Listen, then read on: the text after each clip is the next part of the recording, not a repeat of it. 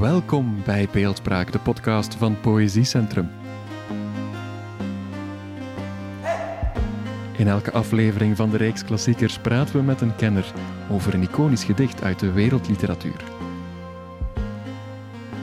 Waarom is dat gedicht zo bekend en geliefd en wat maakt dat deze verzen in het geheugen gegrift blijven?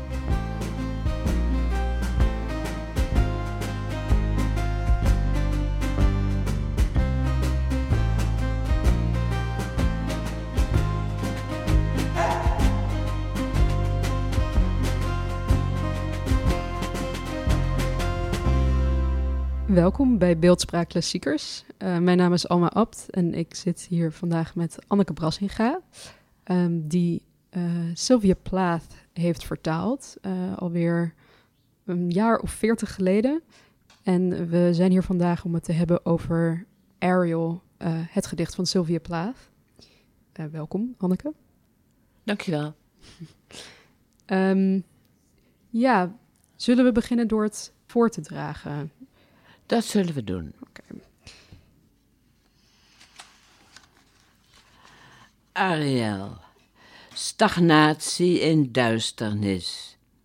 En dan de stoffeloze blauwe stortvloed van rotspieken, verten. Gods leeuwin, hoe één worden we, spil van knie en hielen. De voren splijt en vliegt voorbij, gepaard aan de bruine boog van de nek, mijn greep ontsnappend. Nikkeroogbessen slaan donkere haken uit. Hapjes zwart, zoet bloed, schaduwen. Iets anders sleurt me door lucht. Dijen, vacht vlokken van mijn hielen. Witte Godiva, ik ontval, dode handen, dode beknelling. Ik schuim tot koren, glinstering van zee. De kinderkreet versmelt met de muur. En ik ben de pijl de dauw die vliegt, doodbelust. Eén met de stormloop op het rode oog, kookpot van de ochtend. Uh, nou, dit is een verschrikkelijk gedicht, hè? Ze heeft het geschreven op de verjaardag. Ja. Ze werd dertig. 27 oktober 1962. Ja. Ja. Ik heb nu eindelijk uh, het verhaal opgezocht van die Godiva. Dat is echt, dat is prachtig. Het is een oude vertelling uit het jaar. Het is echt gebeurd, het jaar duizend zo ongeveer. En uh, Lady Godiva heeft een man eh, en die, dat is echt zo'n zo'n zo'n zo'n zo'n bink, eh, die wil geld. Dus die heeft een belasting geheven op het volk van Coventry. En uh, zij, zij vindt dat slecht. Ze vindt niet dat je de, de, de, het volk moet plunderen. Dus zij zegt: Wat kan ik doen om te zorgen dat jij die mensen niet gaat uitzuigen? En dan zegt hij voor de grap: Als jij nou naakt op een paard door de stad rijdt, dan zal ik, het, dan zal ik hun geld eh, laten. En verdomd, ze doet dat. Ze heeft alle bewoners van Coventry geïnstrueerd dat ze binnen moeten blijven. Hm. Ramen dicht, niemand mag zich vertonen. En buiten de stadspoorten trekt zij haar kleren uit en klimt op dat witte paard en rijdt daar door de stad. Dus hij moet wel zijn snode plannen intrekken. Dat is Lady Godiva. Ik wist niet dat het gebaseerd was op een, echt verhaal. Ik dacht altijd dat dit een soort. Ja, er is ook een heel mooi gedicht van Tennyson die, het gewoon, die gewoon het verhaal vertelt. En uh, eh, ja, er zijn heel veel meer natuurlijk. eh, het is een beroemd verhaal gebleven. Dus Ja. zij kan het gewoon, zij kan het gewoon eenvoudig eh, eh, noemen. In, in de veronderstelling dat alle Engelse lezers dat meteen voor zich zien. Ja, Die vrouw die daar in de blote kont door de stad rijdt. Ja, prachtig. En dat woord unpeel, mhm. dat, is ook, dat komt ook van.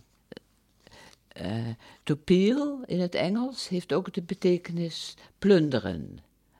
De mensen uitzuigen. Hm. En tegelijkertijd betekent het eh, dat je je kleren uittrekt, bijvoorbeeld. Of dat je. je kan, het is zowel eh, transitief als intransitief. Dus Hm. je, kan het, je kan jezelf unpeelen.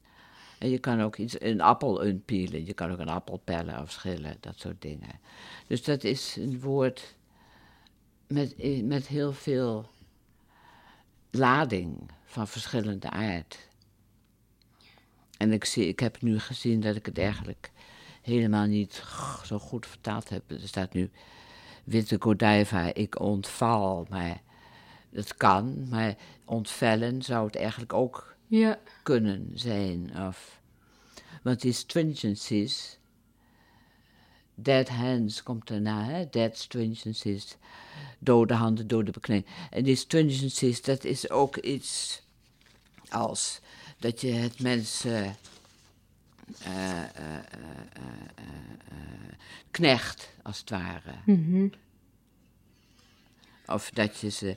Het betekent ook scarcity, dat is eh, bekneld in gebrek, in, in, in niet, niet, niet genoeg geld. Punt. Zo. ja, dat past ook wel goed bij het Godiva En verhaal, omdat dat ook een verhaal gaat, een verhaal is dat gaat over eh, het gebruiken van je schaamte tegen je. precies, ja, ja, ja, ja, Ja, ja. Wat dus niet lukt. ja, Dat is het mooie. Zij Ja. taart die hele schaamte. ja. Het is toch wel bijzonder, omdat, nou ja, in het gedicht lijkt ze alleen te zijn. eh, en schaamte heeft meestal een toeschouwer nodig. Dus überhaupt het, dat het idee van schaamte of een soort gekozen schaamteloosheid opkomt, is eigenlijk interessant gegeven een setting waar niemand kijkt, behalve zij naar zichzelf. Ja, maar iedereen heeft natuurlijk een innerlijke schaamte van een, van een fictieve toeschouwer. Ja, Of een innerlijke eh, macht waardoor je getyranniseerd wordt. En dat ze heeft het ook over. eh, ja, ze noemt niet voor niks het begrip eh, schaduwen of schimmen, shadows. En ze heeft het niet zomaar over dode handen en dode beknellingen. Dat zijn de dingen die je, die je meedraagt en die je op zo'n moment van triomfantelijke paardrit van je afwerpt, als het ware. ja. Ja, want misschien kun je iets zeggen over ehm, nou, waar het gedicht over gaat. Dat is altijd een beetje een dooddoener, maar Oh ja, wel natuurlijk. zinvol Ja, ja, bij dit gedicht, denk ik. Ja, ja. Het gaat dus over een rit te paard. En eigenlijk hoort daar ook een heel ander gedicht bij, of nog meerdere. Dit paard, staat in de biografie, is een heel slome merrie geweest. Het heet Ariel. Hmm. En ze zat er ook op. Maar haar allereerste paardrit, dat was in Cambridge in 1958. En dat paard is op hol geslagen. En die herinnering, volgens de biografie, keert terug in dit gedicht waarin zo'n enorme woeste vaart opeens zich voordoet. Ja, En ja, het is een heel eh, een soort- extatische beleving van eh, vitaliteit die je hebt op je dertigste. En tegelijk van een enorme uh, doodsdrift,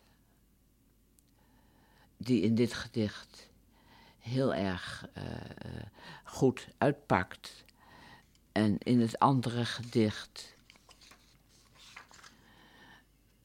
Je kan zeggen dat ze hier nog uh, het kind van Apollo is. Apollo is de zonnegod en de god van de poëzie. En dat kind, dat is Phaeton, die die, die, die, die, die kar van zijn vader mag lenen. En uh, weliswaar loopt het niet zo goed af. Maar in het andere gedicht is er een andere rit te paard. Dus wat later, dit is in februari 1963, vlak voor haar einde. En dat zal ik ook even voorlezen als je het goed vindt. Schapen in de mist. De heuvels stappen weg, het wit in. Mensen of sterren bezien me treurig, ik stel ze teleur. De trein laat een streep adem achter. O traag, roestkleurig paard, hoeven, smartelijk gerinkel. De hele ochtend is de ochtend zwarter geworden, een bloem in de kou. Mijn botten zijn vol stilte, de verre velden smelten mijn hart. Ze dreigen mij de ingang tot een hemel, sterrenloos, vaderloos, een donker water. Dus dat is hetzelfde paard, hier in zijn ware gedaante als Slome Mary, uh, vermoedelijk nog steeds Ariel geheten, maar uh, haar extase is niet meer op te roepen, blijkbaar, hè, in dit latere gedicht. En zij wordt dus eigenlijk een soort Icarus. Die op het schilderij van Breugel, waar Sylvia Plath een, een grote voorkeur voor had, die, die ziet hem daar in de zee plonzen op de achtergrond van de akkers waar de boer aan het eggen is en aan het ploegen is. Dus dat hele beeld van die van die overwinning door je naar de kookpot van de zon te storten in een, in een waanzinnige vaart. Uh, die, die, die, die moet het opgeven eigenlijk. Dus die twee gedichten horen in mijn gevoel als, als tegenhangers bij elkaar. Ja, het is ontzettend verdrietig om uh, na te denken over uh, die twee paarden als hetzelfde paard. Ja, ja, ja, ja, ja, ja, ja. Dan wordt het opeens allemaal ook nog echt. Ja. Um, ja, aangezien het gaat om een gedicht dat uh, een status heeft als een enorme klassieker. En dit ook de bundel is die Sylvia Plath heeft verheven tot haar status, ben ik eigenlijk benieuwd wat jij vindt dat uh, dit gedicht bij uitstek tot zo'n interessant gedicht maakt, formeel gezien. Het maakt alle uh, beeldspraak overbodig. Kun je dat uitleggen? Het is een, het is een, een belevenis waar je zelf verondersteld bent in aanwezig te zijn. Je kan het ook niet eens lezen als. Uh, uh, vind ik dit een goed gedicht of vind ik dit een slecht gedicht? Je wordt eigenlijk. je wordt beroofd van iedere vorm van objectiviteit. en, maar dat komt misschien ook omdat ik. Ik was zelf, denk ik, 27 toen ik dit ging vertalen. En ik had überhaupt geen objectiviteit. Dus mij, ik, ik vond het eindelijk een gedicht, uh, wat ik een gedicht vond. Om, in de zin van dat je opeens ergens bent, ergens anders dan aan je tafel of in je stoel. Ja, het lijkt daarmee een beetje alsof de vorm en de inhoud van het gedicht heel erg uh, samenvallen. De ervaring van het lezen van het gedicht uh, wordt eigenlijk best goed beschreven door de inhoud van het gedicht. Ja. Ja, want wanneer heb jij voor het eerst Sylvia Plath gelezen? In 1975. Toen was de revisor net opgericht. En uh, daar was een ontzettend aardige docent van mij in de redactie. En uh, een van de anderen, Paul Beers, die kwam, die kwam mij deze gedichten brengen. Het was toen, het was, ik geloof dat de bundel er wel was, maar hij bracht gewoon wat losse gedichten. En hij zei dat zijn zus het niet zo goed begreep wat erin stond en of ik ze niet wou vertalen om in de revisor te zetten. Dus dat ging ik doen. Ik, uh, ik was. Uh, een arme vertaler. Ik liep op blote voeten en uh, ik woonde in een heel fijn aan de Brouwersgracht. Dus ik was erg uh, ontvankelijk voor ja, dit soort dramatiek. Dus de eerste keer dat je het las was ook meteen toen je het ging vertalen? Ja, ah. ja ik las het om het te gaan vertalen. Ja. Niet omdat ik zelf uh, dacht, ik moet Sylvia Plaats gaan lezen. Ja, want ze had destijds wel al een enorme status, toch? Of is dat... Uh... daar kwam ik toen langzamerhand achter, ja. Ja. ja, ja, ja. Ik weet niet of het toen al zo... Deze, deze, dit verzameld werk is van later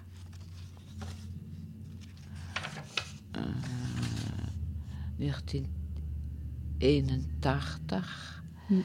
En ja, ik heb het gevoel dat eh, pas nog wat later uh, begon het echt in het feminisme door te werken.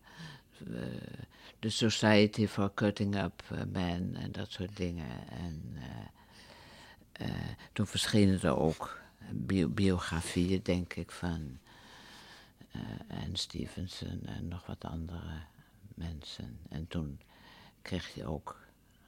Uh, ja, goh. ik heb eens een keer een, gedicht van Ted Hughes vertaald voor de Dode Dichters Almanak. En daar hoort natuurlijk een filmpje bij, want dat was een televisieprogramma. En dan zie je de arme man opkomen op het podium en daar zit een enorm publiek. En daar roept al een stem: Murderer! Dat was natuurlijk een enorm. En je ziet hoe die ja, toch erg terugschrikt daarvoor. Maar het was natuurlijk een enorme. Uh, ja, hoe moet ik het zeggen? Uh, sensatie. Dat heel veel vrouwen dachten dat het zijn schuld was. Maar dat vond ik allemaal, ja, dat was niet voor mij een reden om Sylvia Plath te gaan lezen. Het idee dat zij een slachtoffer was van haar omstandigheden. En wat was voor jou de reden om Sylvia Plath te lezen? Ik voelde een soort uh, uh, agressieve kracht uh, die ik wel die ik wel aangrijpend vond. En ook, ik snapte er niet zoveel van. Dat vond ik ook wel erg prettig. Ik hou erg van iets lezen waarvan je uh, misschien na een tijdje iets kunt gaan begrijpen. Ja, je noemde net Ted Hughes, de man van Sylvia Plath, waar ze wel al, uh, nou ja, niet officieel van gescheiden was, maar ze waren wel uit elkaar tegen de tijd dat ze overleed. En ja. niet zo vriendelijk ook, geloof ik. Um, ja, zijn uh, inbreng in de geschiedenis van deze bundel is wel interessant om te noemen. Um, want de Ariel, in elk geval die ik heb, is uh, Ariel zoals het oorspronkelijk is uitgegeven. Maar dat is niet de Ariel zoals Sylvia Plath die heeft nagelaten als manuscript. Nee, die staat wel weer in dit, denk ik, in, het, in de Collected Poems. Ja, die is ook een aantal jaar geleden uh, opnieuw uitgegeven. Um, maar ja, dat was een, een manuscript dat klaar lag op het moment dat Sylvia Plath uh, zelfmoord pleegde. Ehm, en Ted Hughes heeft, uh, heeft ja, er vervolgens wijzigingen in aangebracht. En dat is altijd iets dat uh, nogal polariserend heeft gewerkt. Um, in dat sommige mensen denken dat het een betere bundel is geworden en andere mensen. Hij heeft sommige gedichten weggelaten. Klopt. Maar ik denk niet dat hij de teksten gewijzigd heeft. Nee, nee, nee, dat heeft hij niet. Nee, maar hij, heeft, hij heeft dingen weggelaten en andere dingen toegevoegd en de volgorde veranderd. Mhm, mhm. Ja. Ja, ja. Maar wat hij wegliet, dat waren vooral uh, enorm uh, woedende gedichten over de mededingster bijvoorbeeld. Ja. De, de vrouw waar hij in die tijd al bij getrokken was, geloof ik. Ja. Ja. Ja. Toch eindigt deze versie van Ariel, en dit is nog steeds de, de gangbare versie van Ariel, is de versie zoals Ted Hughes hem heeft uh, vormgegeven. Um, eindigt dit met een gedicht dat ik interessanter vind dan de, uh, het oorspronkelijke manuscript. Uh, het eindigt kijken. veel optimistischer, het oorspronkelijke manuscript.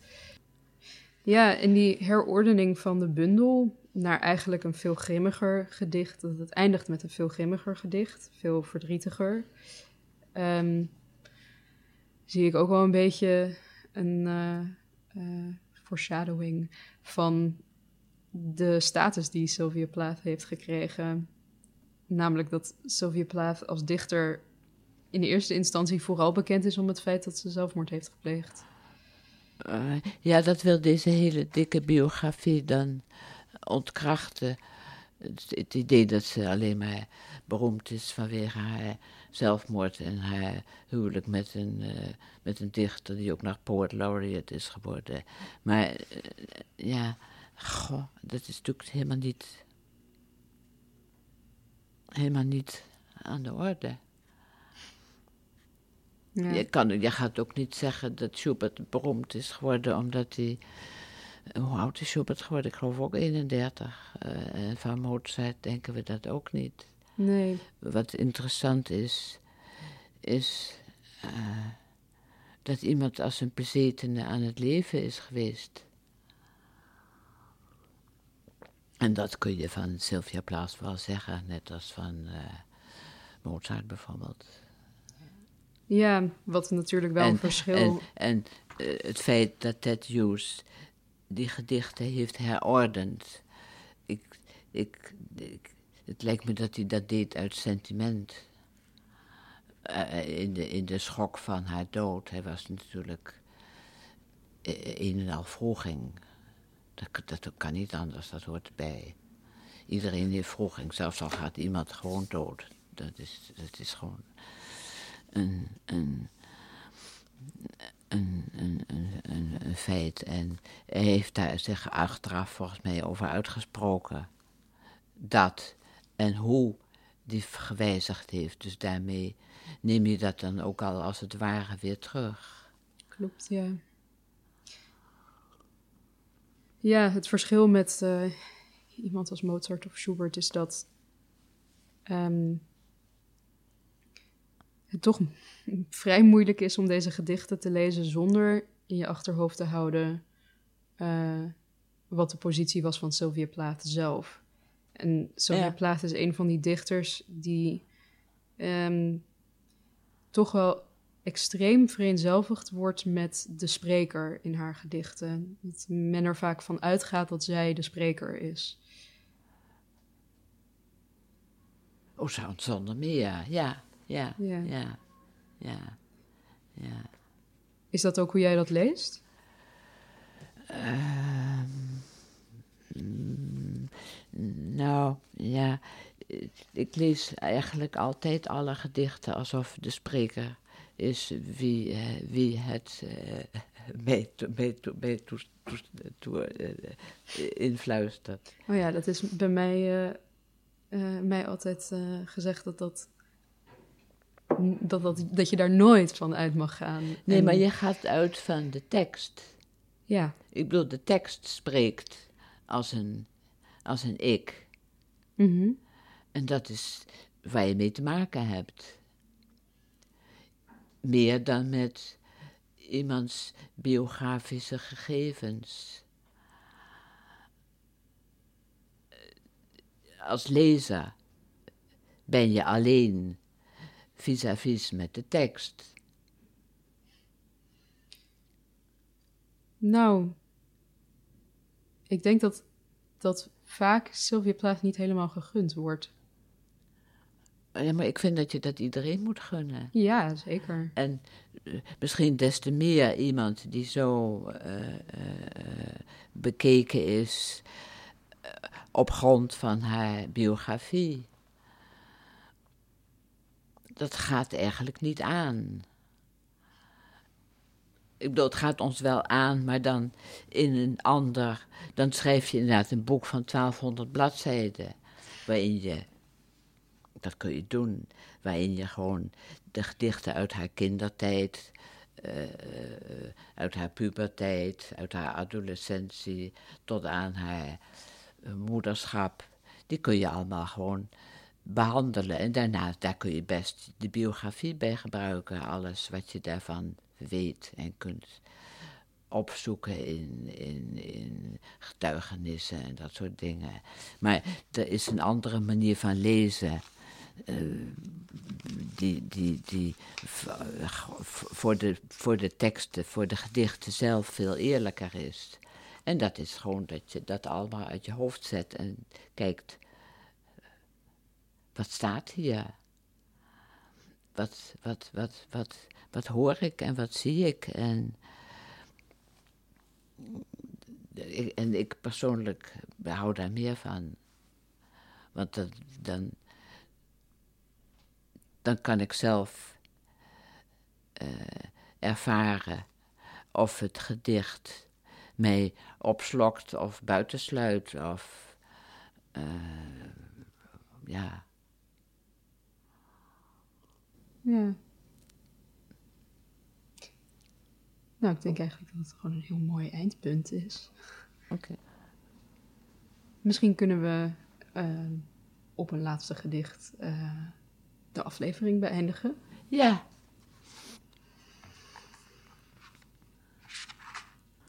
Woorden. Bijlen waar het bos na elke slag van galmt. En de echo's.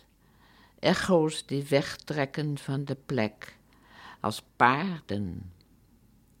Het sap welt als tranen, als het water dat zijn spiegel herstellen wil boven de rots, die valt en omslaat, een witte schedel, verslonden door woekerend onkruid. Jaren later kom ik ze tegen, onderweg, woorden, dor, zonder bereider hun onvermoeibaar hoefgeklop. Terwijl vanaf de bodem van de poel onwrikbare sterren een leven besturen. Dat is toch wel een goed gedicht, hè? Ja, ik kom ook weer een eh, voor. Ja.